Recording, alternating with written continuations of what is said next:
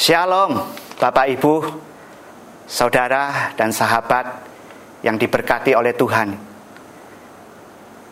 Kami bersyukur kalau Bapak Ibu diberi upah oleh Tuhan, yaitu upah kandungan dari Tuhan, seorang anak.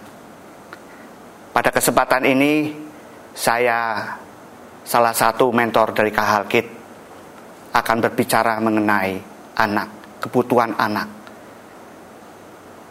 Bapak Ibu yang berbahagia, yang Tuhan percayakan pusakanya, yaitu putra putri Bapak Ibu, itu adalah pusaka. Pusaka milik Tuhan.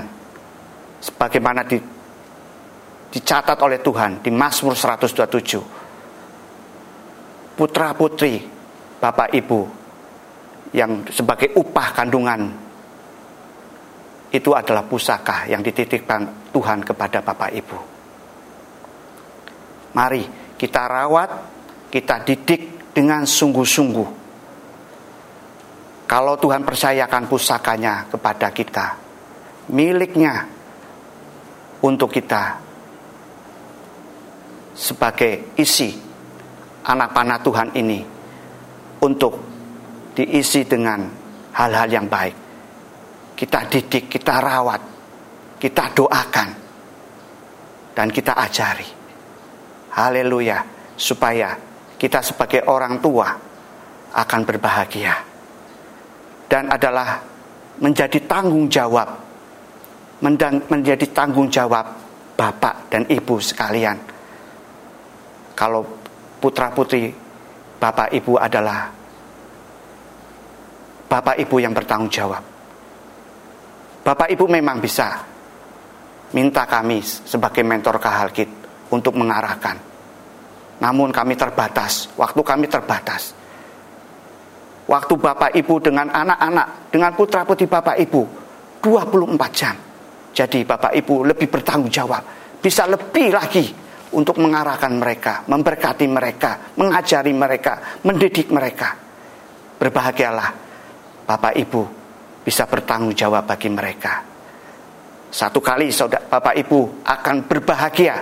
Ayo kita baca Mazmur 127 ayat 5. Berbahagialah orang yang telah membuat penuh tabungnya dengan semuanya itu. Kalau Bapak Ibu membuat penuh pusaka Tuhan ini, dengan hal-hal yang baik, Bapak Ibu akan menjadi orang-orang yang berbahagia. Dan Bapak Ibu akan bangga sebab dia tidak akan membuat malu Bapak Ibu semua. Lanjut firman Tuhan dikatakan, ia tidak akan mendapat malu apabila ia berbicara dengan musuh-musuh di pintu gerbang. Haleluya. Biarlah kita mau rawat dan didik putra-putri yang Tuhan percayakan kepada kita lebih sungguh-sungguh lagi. Bagaimana caranya? Ada sebuah puisi dari Ibu Dorothy Lau Nolte, kelahiran dari California.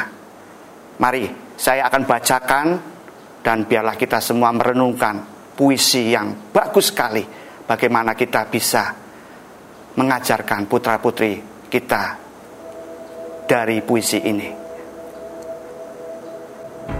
Jika anak dibesarkan dengan celaan. Ia belajar memaki. Jika anak dibesarkan dengan permusuhan, ia belajar berkelahi. Jika anak dibesarkan dengan cemoohan, ia belajar rendah diri jika anak dibesarkan dengan penghinaan. Ia belajar menyesali diri. Jika anak dibesarkan dengan toleransi, ia belajar menahan diri. Jika anak dibesarkan dengan dorongan, ia belajar percaya diri Jika anak dibesarkan dengan pujian, ia belajar menghargai.